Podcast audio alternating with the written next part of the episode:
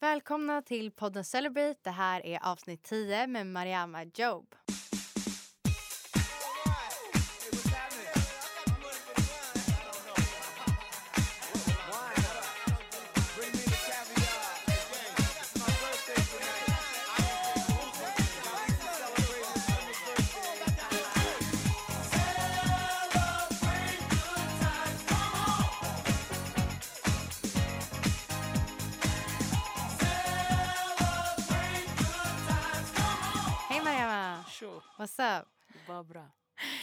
Har din dag varit? Den har varit skön, Ja, lugn. Tog ledigt från jobbet faktiskt okej. för att inte stressa hit. Mm. Har du, känner du att du ofta är stressad? Förra året var jag stressad på en nivå det var inte ens normalt. Liksom. Det var, jag brukade säga till mig själv någonstans i mitten av dagen så ah, men idag är dagen jag svimmar. Så, så, så log jag och gick vidare med allt jag gjorde liksom, var på tre olika ställen. Men jag någonstans i slutet av 2016 gjorde en massa löften till mig själv. Eh, likt nyårslöften tror jag väl, men det var inte så här new year, new me type of bullshit. Jag bara, ah, men jag vill jobba konstruktivt med mig själv liksom. Dels så här optimistisk, att jag ska vara det. Jag är ganska, ja men jag, jag är ganska skeptisk, jag tror det. Jag vill säga att jag är realist men jag, jag tror jag är väldigt skeptisk ibland. Eh, men så det var mycket om att jag ska vara optimistisk men också jag ska ta hand om min egen hälsa för jag prioriterade inte den liksom. Eh, jag var på så många olika ställen vilket var lärande men jag mådde inte bra. Jag var utmattad i slutet. Mm. Är personlig utveckling viktigt för dig? Jätte. Det är allt. Yes! Är jag väntade på det. Jag bara yes! Man måste bara reflektera om vad man gjort. Dagligen faktiskt gör jag det. Mm. Lite hela tiden. Har små pauser. Bara, men det där, liksom, hur förde jag mig i samtal idag? Mm. Tog jag, alltså, tänkte jag på den andra personen? Eller var det bara mig själv? Liksom, var jag i centrum? Och hur kan jag bli bättre än jag var igår? Mm. Men eftersom du är skribent så måste det komma väldigt naturligt. Att här, man reflekterar mycket. Och jag antar att personlig utveckling oftast kommer in där då också, naturligt. Ja, faktiskt. Ja. Jag tror också eh, när man skriver lite som vi gör, som jag gör varje dag Mm. så lär du känna dig själv hela tiden. Du finner saker om dig själv du inte visste. Det kan komma, nu är det poems som jag inte delar med liksom. Det är poems som är skrivna till mig men det finns eh, poems där liksom. Det är så här, ah, jag visste inte att jag tyckte så om den här saken. Mm. Vad fint. Mm. Eh, berätta om dig själv. Tolka frågan fritt. Yes. Jag ska bara säga out loud to people, this question det är den jobbigaste som finns. Särskilt när du är poet för man blir såhär oh my god vilken poem ska man identify yourself with. Men eh, jag tror faktiskt den dikt jag tryckte in så mycket om mig själv, eh, signaturdikten, det är väl den här dikten. Eh, jag skulle inte säga att det är allt men liksom, den tycker så många dimensioner. Liksom, det muslimska till islamska, eh, att man är förortsbarn, att man är svart, att man är kvinna, att man är osäker men försöker bryta det här. Liksom. Eh, och en resa av att växa. Och jag brukar säga jag, jag har så svårt att sätta mig själv i fack. Eh, men jag tror jag är någon som ständigt utvecklas. Mm. Känner du att andra personer sätter dig i fack? Ja. jag, jag kan inte mig själv poet. Liksom. Tills andra gjorde det tror jag. Sen blev det så här. Aha, okej, det- jag är väl poet. Du vet, så här. Det blev det man blev uppbokad på. Det var det man liksom medverkade som. Eh, men jag vet inte, alltså det är svårt. Jag tror också det är så här när du, när du är aktivist någonstans i själen. Det blir skitsvårt att bara eh, bli tillskriven en annan titel. När Mm. man är så här, nej men jag gör mer. Mm. Du vet, så jag ser väl mig själv som eh, skribent huvudsakligen och sen wordsmith däremellan som får det här poetiska inslaget. Mm. Hur kan vi se din aktivism? Eh, den förankras väl ändå genom konstnärskapet, poesi. Nu är det citattecken. Men vet du det, eh, i och med att jag skriver mycket för andra eh, och för folk som mig själva då jag prickar i ganska många liksom, kategorier av människor eh, så kommer det in i det jag skriver och läser upp. Och det är all, tanken är alltid, min huvudtanke är, vad kan den här dikten göra för någon annan? Mm. Kan det stärka den? Kan den få någon att ta nya val? Kan det få någon att se nytt på ett nytt perspektiv? Eh, liksom, jag vill att någonstans när du står ställd i en återvändsgränd så ska du liksom kunna antingen bara slå dig rakt igenom Eh, eller känna så här, det som är där på andra sidan, det är inte för mig. Du hittar en annan väg. Eller tar dig över häcken liksom. Så det ska vara ett redskap till andra. Jag brukar beskriva just min poesi som en nebulosa. Eh, nebulosa, det är liksom de här gigantiska gasmolnen i rymden. Eh, men man kallar dem faktiskt för barnkammare. Det vill säga att de ger liv till andra stjärnor i det här eld, eh, vet det, stjärndoftet. Precis. Eh, så ur en nebulosa föds nya stjärnor. Jag tänker att det är min uppgift liksom. Att föda nya stjärnor. Med fokus på orten, jag ska inte ens ljuga alltså. så där vill jag slipa diamanter. Ja. Eh, första gången jag såg dig, det var på ortens bästa poet. And you were ah, awesome. Då var bara, jag bara shit om hon vill komma på podden, then I've made it. ja, där. Eh, och det var just den här dikten som eh, Fast det var i och för sig på finalen. Jag Mm. såg ju först, vad var det, delfinalen. Ja, I Skärholmen. just det. Eh, men den här dikten som de eh, avslutade med eh, på finalen där, den var... Mm. Det var nog inte bara jag som tyckte det. eh, men hur ser det ut liksom? För att poesi är något eh, som är väldigt viktigt för dig både privat och yrkesmässigt. Mm. Så hur ser det ut på den yrkesmässiga delen? Eh, just nu, jag tror jag själv ställs inför en utmaning som jag sa till dig innan. Eh, det har blivit svårt för mig att hitta så här skärgången eller balansgången mellan liksom så här. eh, När skriver jag för mig och när skriver jag för en publik? Mm. Inte för att publiken ska applådera och tycka om mig utan för att publiken ska få ett meddelande. Men ibland behöver jag skriva bara för mig, liksom, för det är så jag började. Eh, och det blir svårt. Typ, hur lämnar du jobbet på jobbet när det är det du gör på din fritid också? Mm. Det går in i varandra. Om jag är på jobbet just nu som på Riksteatern och skriver, eh, finslipar mina texter som jag ska ha vid uppställningen. Hur kan jag inte fortsätta på dem på tåget hem när det är vad jag vanligtvis gör? Mm. Så det blir såhär, ah, men nu kommer jag på en line, ah, lämnar jag kvar den med det jag höll på på jobbet? Eller är det här avsatt liksom? Mm. Så det, blir, li- det, det är svårt. Det är skitsvårt Ja. faktiskt. Har du någon du kan bolla sådana tankar med? Eh, Mm. Eller folk du kan rådfråga när det kommer till poesin? Mm. Just nu eh, där jag jobbar i Riksteatern så är min producent faktiskt Mikael Vranell. Och denna människa, mashallah, han sitter på decennier av erfarenheter inom eh, det här fältet. Så jag har en av de bästa sensei just nu. Liksom. Så Ja. den personen, eh, rådfråga, alltså jag kan fråga om det mesta faktiskt i veckan. Jag skulle uppträda inför flera eh, som jobbar där Mm. för att förklara lite vad residens, det vi jobbar med, är. Eh, och då, du vet, han hade sagt så här, ah, men jag vill bara ge som förslag så här, om du kör den här dikten, det ska vara tungt. Och du vet, jag är skadad från den här dikten efter tävlingen. Alla som känner mig bra vet, jag vill inte ens prata om den här dikten. Jag hör först, det är bara anaforer, man får psykos när du själv har skrivit den. Tänk dig, jag höll på med den i runt ett och ett halvt år innan jag uppträdde den. Och sen? Ja, och sen ett år efter det och fortfarande till nu. Så för mig, när jag ser den, jag blir såhär, I hate you. And it's my child, jag bara I hate you. Eh, nej men, han sa det och jag kollade på honom och jag bara, jag vill begrava den här. Han bara, men det här är ju just nu ditt S. Liksom. Och han var tvungen att påminna mig om varför den var så bra. Och det var en sån rådgivning jag behövde. Och han sa själv faktiskt, ska, ska quota, han bara Jag vill inte låta som managern som säger till dig ställ upp i melodifestivalen med kort kjol och så mår du dåligt. Han bara men det här är, det kommer alltid hem. Och det var någonting jag hade glömt liksom. Eh, hur alla kan få igenkännelsefaktorer av den här dikten. Liksom. Mm. Att den når ut till alla i rummet. Jag tror man lär sig det också efter ett tag. Liksom. Ah, Även fast du, du ska kunna framföra din poesi på det sätt som du vill mm, så märker man också ja, men vad som når hem mm, hos vilken publik. mm. Och det är också en styrka att kunna ha. Eh, hur ser ditt arbete ut på Riksteatern? Ja, eh, jag faktiskt började för en till två veckor sedan eh, inom någonting som heter teaterresidens. Och det är att eh, olika konstnärer får en chans till att ta del utav Riksteaterns olika material, handleder, resurser under ett helt år.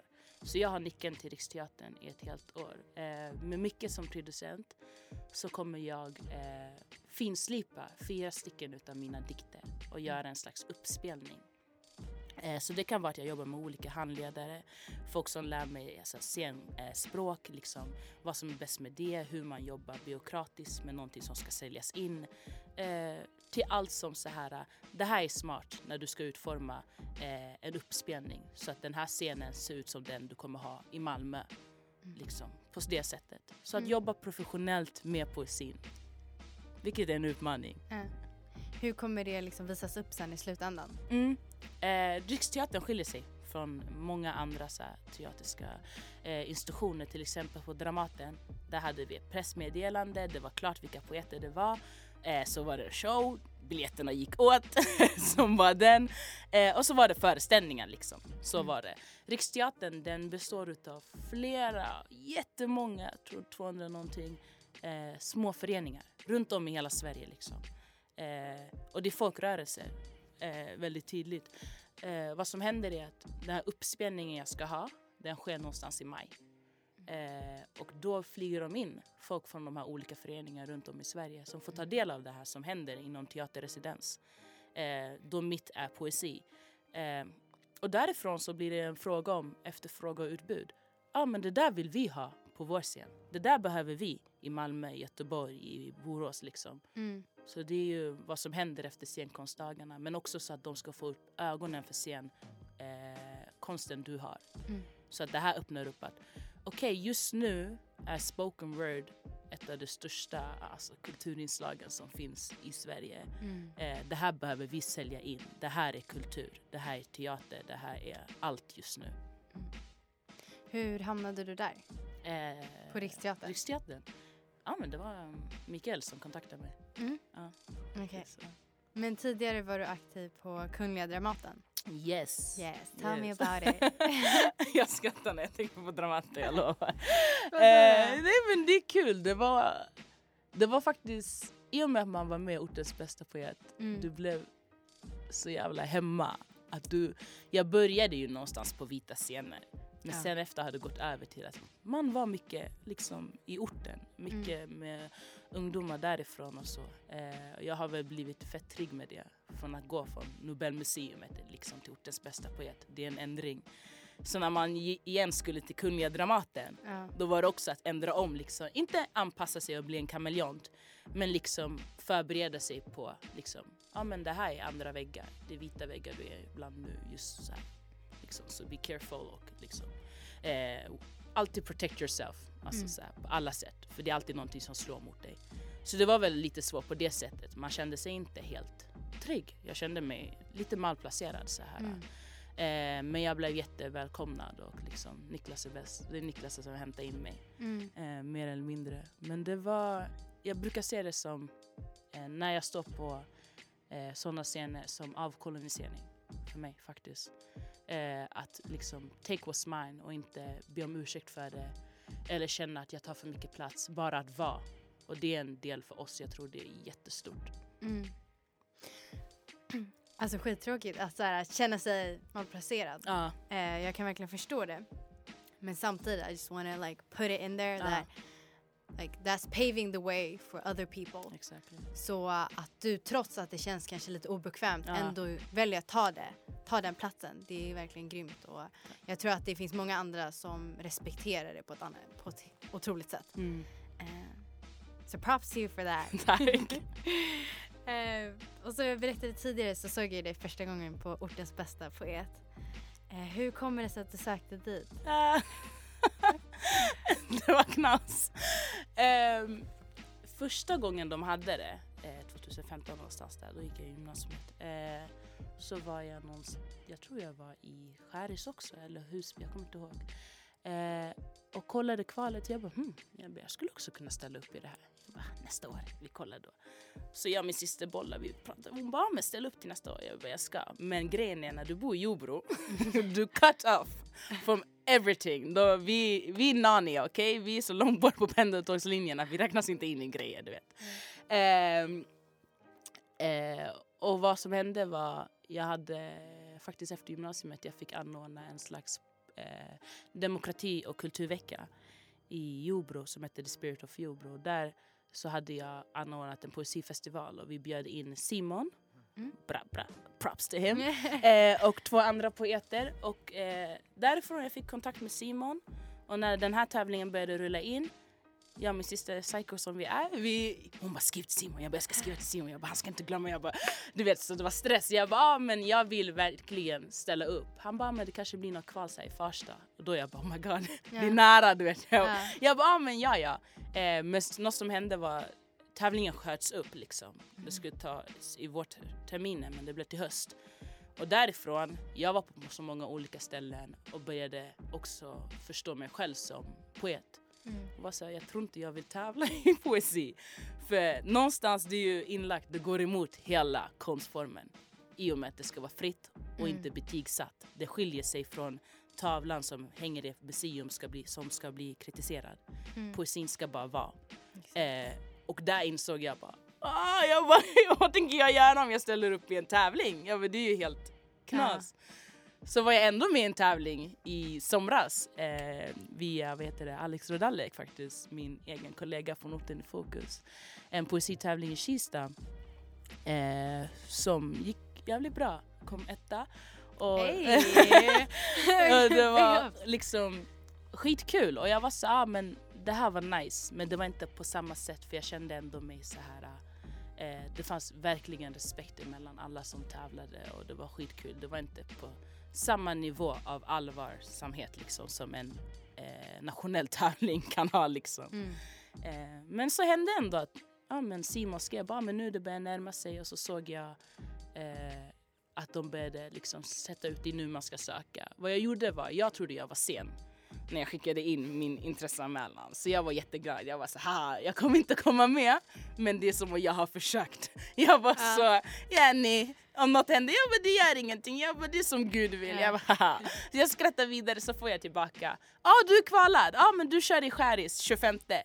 Jag bara, vad menar du jag kör? Du vet, jag skriver, jag bara aha. De bara, ah, du var en av de första. Jag bara, jag bara, "Ah." alltså. Så äh, det är väl så det gick. Alltså, om mina nära vänner vet, jag har sagt till alla när jag skrev det här, jag bara kolla, jag ska hålla mig till en tid. Det är därför jag skriver poesi, för det finns inga ramar. Nej. Jag ska hålla mig till en tid. Eh, det ska bokstavligen vara poäng på mig.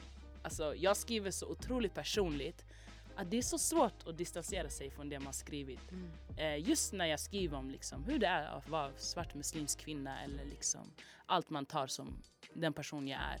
När det blir betygsatt, det är jättesvårt. Mm. Du blir betygsatt. Eh, och man måste liksom kunna alltså, leva med det. Eh, så för mig det var väldigt svårt. Väldigt svårt faktiskt. Jag sa till folk, jag bara alltså, kolla jag är med för att det här är en utmaning för mig and I'm all about developing. Jag bara men, jag bara just det här, jag bara det är inte för mig. Det är verkligen inte för mig. Jag glömde ens att det var en tävling. Folk började prata någon gång eh, nära finalen bara ah, tänk om jag vinner. Eller så här, hörde några bara men fett kul om man vann eller ja, när man kommer till eh, finalduellen. Jag var så här, jag, jag, visste, jag glömde att det var en tävling. Jag var bara med för att jag hade gått med på det. Så jag bara, "Ah, just det! Man kan komma etta. Jag bara, men vad ska jag göra med etta? Fattar du? Alltså, det gör ingen. Jag tror det var också därför eh, många är så här. Varför förstör du för dig själv i finalen? Vilket jag Mm. verkligen vill säga till folk. Alltså det var helt uppriktigt självsabotage Mm. inplanerad, alltså någonstans som var så gnag på mig att det var så här. äh, Det skulle inte varit jag Mm. om jag bara hade levererat den här dikten utan ett tidsavtramp. Mm. Även om det hade varit tre sekunder så skulle jag gått över den. Sen gjorde jag en helt annan grej, att jag liksom drog ut på det. Så att jag var nöjd Mm. med mig själv. Eh, men verkligen, det var så. Alltså jag tyckte nästan det var bättre. Alltså det Jag var bara nickar bara. Ja! Du förmedlade ditt budskap på ett Ja. fett powerful sätt. Och inte, alltså nog med det att din dikt var ju skitbra också. Eh, but, but like you, make that, you made that statement as well. Mm. Så att I think it only benefited you. T- Alltså to be honest. Så de ser det som en self, själv, självsabotagegrej liksom. Det är bara kul när man Ja. träffar folk. Och de bara, gick det med tävlingen? Jag bara, det gick jättebra du vet så här. Jag glömmer det, du vet rangordning och sånt där. De bara, ah, men vann du? Nej nej. Kom du två? Nej. Tre? Jag kom sist. jag bara, de bara, varför led du? Jag bara, det var bra. De bara, men Jag bara nej nej det var bra, det var bra. Ja. Jag hade kul, jag är lugnt. Det där är fett intressant att höra Ja. för då får man ju se andras perspektiv Precis, och vad de tänker på. exakt. Vilket kan vara helt så här motsatsen från Ja. vad man själv tänker på. Det är därför jag sa om du inte var där du kommer inte förstå. Nej, Just vad som hände i Rinkeby var ju historia. mm, Eh, jag har aldrig sett något sånt. Liksom. Så många olika historier som fick plats på en scen. Det var Mm. sjukt. Helt Mm. sjukt. Det har växt mycket eh, kritik mot mediebevakningen under ortens bästa poet. Mm. Har du några synpunkter på det? Eh, självklart så kände alla bara, varför ser de inte oss eh, när vi briljerar? Varför ser de bara oss när bilar bränner? Eh, brinner liksom, varför är det alltid så? Varför är det den här konstituerliga porträtteringen av förortsbor liksom?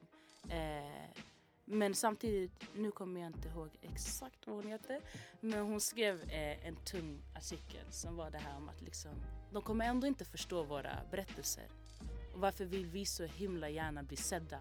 Mm. Alltså är det då vi är, är acknowledged? Och det är någonting varenda människa måste fråga sig själv. Eh, som jag själv som poet är så här.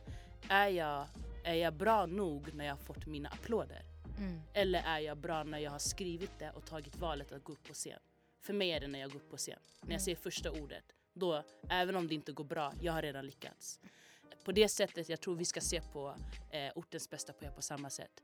Att vi eh, sk- skapade det, styrelsen, liksom, att de drog igenom det, att det hände att vi fick in runt 3000 människor till en sal i Rinkeby.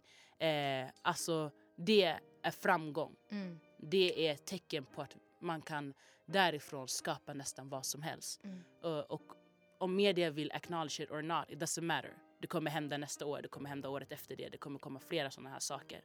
Så I don't care that much. Samtidigt, jag tycker att det ska finnas en nationell eh, dokumentation Mm. av positiva liksom, egenskaper från orten. Det måste ändras. Så på det sättet, of course, de måste bry sig. Men eh, nej, alltså det it didn't change my opinion av vad som hände.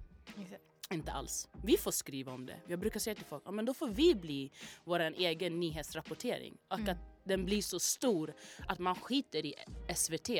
Liksom att det här blir det nya du kollar till. Att de här sidorna är det som berättar. Och de har hela synfältet liksom. Mm. Så man får ha alternativa medier. Mm. Det blir som att vi, vi eh, får skapa vårt egna. Ja, alltså jag tror det har mer blivit så. Alltså Facebook, herregud, det har Mm. blivit en nyhetsrapportering. Och det är, det är kunniga människor som skriver. Allt möjligt. Det beror på vilka du har på ditt newsfeed, vilka du föl- följer. Det är ju selektivt. Eh, jag tror det var skitlänge sedan jag tog upp Metro och läste. Mm. Just för att det var skadligt. Det var jättejobbigt att läsa. Det var så här, liksom, ja men första sidan på en bil som brinner eller bara sånt. Mm. Aldrig, och när det är frågor så är det bara frågor från Aina. Liksom inte, om det står att någon kastar sten så frågar man inte varför. Liksom, det första som ändå är huvudfrågan kring journalism. Man frågar inte varför. Mm. Man bara beskriver vad som händer. Mm. Och lägger in egna eh, värderingar. Och där jag bara, men vet du vad, varför ska jag må dåligt på, alltså på pendeln när jag tar liksom, metro? Det är helt onödigt. Varför ska jag läsa sånt här eh, när jag själv kan liksom, gå in i det här och jobba med det? Det är helt onödigt. Och det är ju så normaliserat att man Mm. märker liksom inte av det förrän det motsatta dyker upp. Ja, Och det är då man bara shit och börjar reflektera. Eh, men jag tror ingen kan förneka how brilliant you were on that stage. Och du har ju upp- uppträtt flera gånger efter det och jag kan tänka mig att det var minst lika bra då också. Eh, men du berättade ju att du känner dig mer som en poet än en person på scen. Mm. Jag vet inte riktigt vad man ska kalla det men Mm. att du känner dig tryggare i det forumet, att skriva, Mm. än liksom att stå på scen. Mm. Eh, men hur har du växt in i den rollen? Eh, menar du att vet du, stå på scen? Ja. Ja, eh, jag tror, jag täckte det i Dramaten faktiskt med en ny dikt jag skrivit. Eh, jag vet inte ens om man kan kalla det en dikt faktiskt. Jag tror det är ett livsverk. Eh, så ung som jag är nu, jag brukar säga så här, om jag skulle dö eh, idag, Staffla, men om jag skulle liksom, då skulle nog den dikten vara ett av mina kapitel i, ett, i en självbiografi. Mm. Eh, så den är så komplett för mig. Eh, det är modersmål. Och det går faktiskt från skrivandet till eh, att stå på scen. Eh, jag hade jättegrova talsvårigheter när jag var barn. Eh, så grova att jag valde att inte prata. Liksom, för jag blev så retad. Eh, och det var så svårt att göra sig förstådd. Så vad som hände var där mycket att jag läste. Jag var alltid i biblioteket. Jag var ja, men nörden om man säger så. Ehm, och jag satt vid mangahyllan, jag satt vid litteraturhyllan, jag läste mina liksom, feta romaner. Ehm, och jag tänkte nog som barn, jag kan bli författare. För då kommer ingen skratta åt mig. Jag kan bli författare. Då kommer det inte vara lika jobbigt att liksom vara i skolan. Folk kommer se mig. Jag kan gömma mig bakom böckerna. Eh, och sen någonstans där vid gymnasiet när jag började ställa mig på scenen så var det här. Jag kanske inte behöver kompromissa. För det var ju det, att kompromissa. Det var så här, men vet du vad? Eh, jag har växt ifrån det här liksom, läspandet och allt möjligt. Och även om det finns där bak liksom, eh, så är det en del av mig. Och det är inget jag ska skämmas över. Liksom. Eh, mobbning får oftast människor att känna sig så onormala men det är ju det är helt dumt. Eh, och jag tror det var så min övergång gick. Jag har nu förstått att egentligen är det som eh, den fula ankungen. Mm. Till exempel. Alltså, vad som skiljer eh, den fula ankungen från en larv som blir till en fjäril är att larven faktiskt gör en transformering i en kupong. Liksom, den blir till en annan skepnad. Eh, men den fula ankungen var ju alltid en svan. Mm. Det var ju andra som bara fick den att känna sig onormal och ful. Mm. Eh, och jag var nog den personen. Jag var alltid briljant liksom. Eh, men yes. folk, folk fick mig att känna det motsatta. Och det, jag tror det är så stor kraft den andras blick har på oss. Mm. Den är så brutal, du kommer inte ifrån det. Det var tills någon, jag själv fick självrelationen, alltså jag fick revolutionen att jag är en svan. Mm. Och därifrån var det så här, men vet du vad? Du var inte menad för att gå på mark. Du var gjord för att flyga och nu är det dags för dig att visa dina vingar. Jag tror därifrån, jag bara, vet du vad? Jag vill stå på scen, jag vill dela med mig också. Mm. Jag tycker det är fett intressant det du sa. Liksom, för det blir som att man måste lyfta perspektivet och inte tänka bara på att var befinner jag mig just nu utan mm. var ska jag vara? Vad är jag ämnad att vara? Mm. Eh, jag tror att det blir lättare liksom att röra sig i den riktningen som man vill gå mot då. Mm. Vart tror du att det här intresset kom för skrivandet och läsandet? Hos mig? Ja. Jag tror jag, alltså jag bara, jag, jag är min pappas flicka. Alltså min pappa, mm. jag brukar beskriva honom som en historiebok faktiskt. Eh, och mashallah, jag tror, alltså han har gjort mig till den här personen. Jag har så stor kunskapstörst liksom. Eh, om det är någonting jag inte vet om alls och det intresserar mig, ja, men då, då vill jag ha typ master i det. Mm. Jag, jag vill läsa på. Och på det sättet, böcker, det har varit så här, det har varit någon salvation för mig eh, ända sedan barn. Att jag är så här, den här boken gav mig jättemycket. Och tänk om jag hittar en till bok som får mig att känna mig så här bra. Uh. Eh, och den känslan, jag tror också man själv var så här, tänk om jag skrev något sånt. Att jag skrev något som ingen vill lägga ner igen. Mm. Att de kan läsa om det. Och sen att förankra det i, tänk om jag sa någonting som jag har skrivit. Som ingen, liksom som alla vill höra igen. Och som jag själv behöver höra igen. Så jag tror det kom allt därifrån, liksom mm. intresset. Det går in i varandra, vilket är skitskönt. Skrivande och läsande och framförande. Jag förstår. Eh, har religion haft en påverkan yes. på dig? Yes. På vilket sätt? Eh, alltså i, vet det, i finalen i bin så uh, vad jag gjorde var ju att jag valde uh, att sätta min egen imam först, uh, det vill säga min tro. Eh, jag kunde kört säkert faktiskt. Jag kunde kört på en dikt från innan som många gjorde eller så kunde jag kört något som jag vet det här skulle gå hem bland domarna. Men jag kände just 2016, jag gjorde någon alltså så här, innerlig resa eh, under Ramadan och fick smaka på sötman av eh, islam som man brukar kalla det och kom tillbaka till min religion. Liksom. Jag var mycket i andra rum där man, in, man kom bort från Allah och sin tro. Vilket händer när man bor här i väst. Det är väldigt lätt hänt. Eh, men under Ramadan jag fick insikt igen. Eh, och jag kände att jag själv har gjort en resa. Och att när jag står på scen, jag vill vara allt jag är. Eh, och först är jag muslim. Liksom. Det är din overdunja och jag är muslim. Och jag kände, eh, jag står i Rinkeby. det är fan en synonym för, eh, vet, för en moské känns det som ibland faktiskt. Eh, det är så fint liksom. Man kommer ut på tågstationen, man ser folk säga salam alaikum. Det är det första man hör. Mm. Eh, och jag kände den här dikten kommer faktiskt komma hem till publiken. Strunt i domarna, strunt i det. Och det är någonting alltså, direkt från dig till dem. Och jag körde den och den fick ja, poängen den fick. Men jag var nöjd.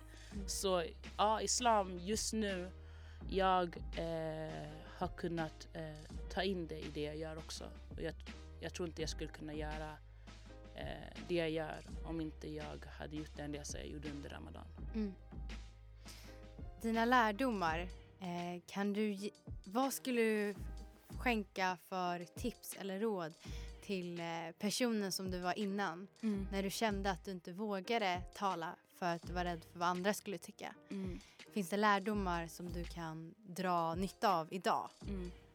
Eh, faktiskt någonting som fick mig att börja gråta var när eh, Bana från Street Gaddies, bra, bra, eh, skrev ett inlägg på Facebook att hon också hade grova talsvårigheter och att hon eh, var mycket osäker på att prata eh, bland folk och allt möjligt. Även under sin aktivism, liksom, att det var någonting som alltid eh, tyngde henne.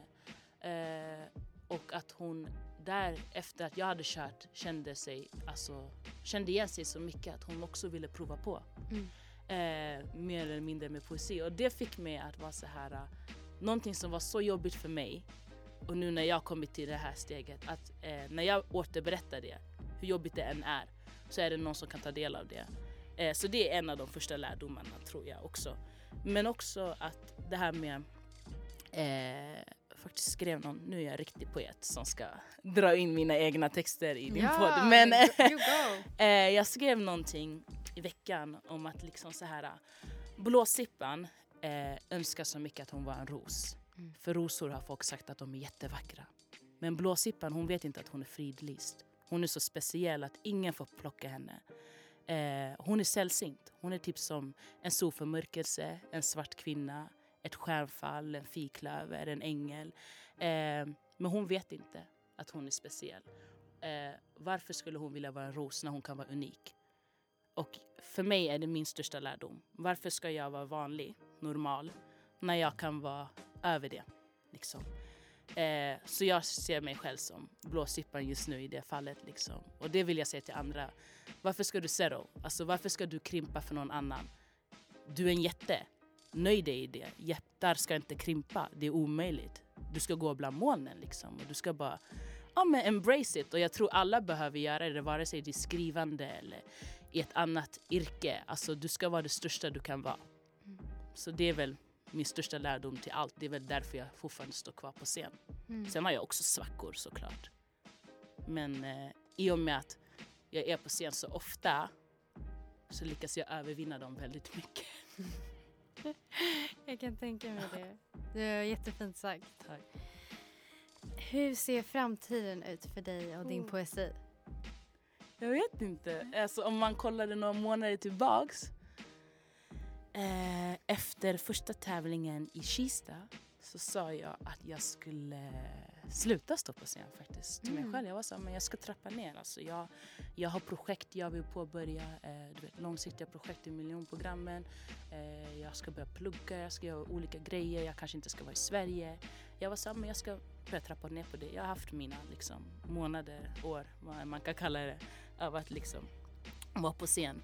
Eh, sen tror jag också att det var min yngre, yngre Mariama som knackade på axeln och var så här, "Ey, det här börjar bli jobbigt liksom Mm. att stå där. Jag tror scenskräcken börjar komma tillbaka också. Eh, men sen gick jag i motsatt riktning. Eh, ställde upp i tävlingen i ortens bästa poet. Eh, jag eh, åkte till Dramaten, jag var på så många olika ställen under några månader och det var så här, ah, men obviously, det är din tid just nu. Och det får du också nöja dig i. Du får dra alltså, nyttan ut, utav det. Eh, I framtiden, såklart, alltså jag, det går ju inte att frilansa forever. Även om man som konstnär skulle vilja att det gick att bli rik liksom så här, men det går inte. Eh, jag behöver en utbildning att vila mig tillbaks till såklart. Och eh, jag funtar ju nu på att bli lärare. Eh, och bara för det betyder inte att det är slut med poesin. Det Mm. kanske inte blir samma utsträckning men jag vill jobba mer eh, lösningsfokuserat med att eh, ändra villkoren i förorterna.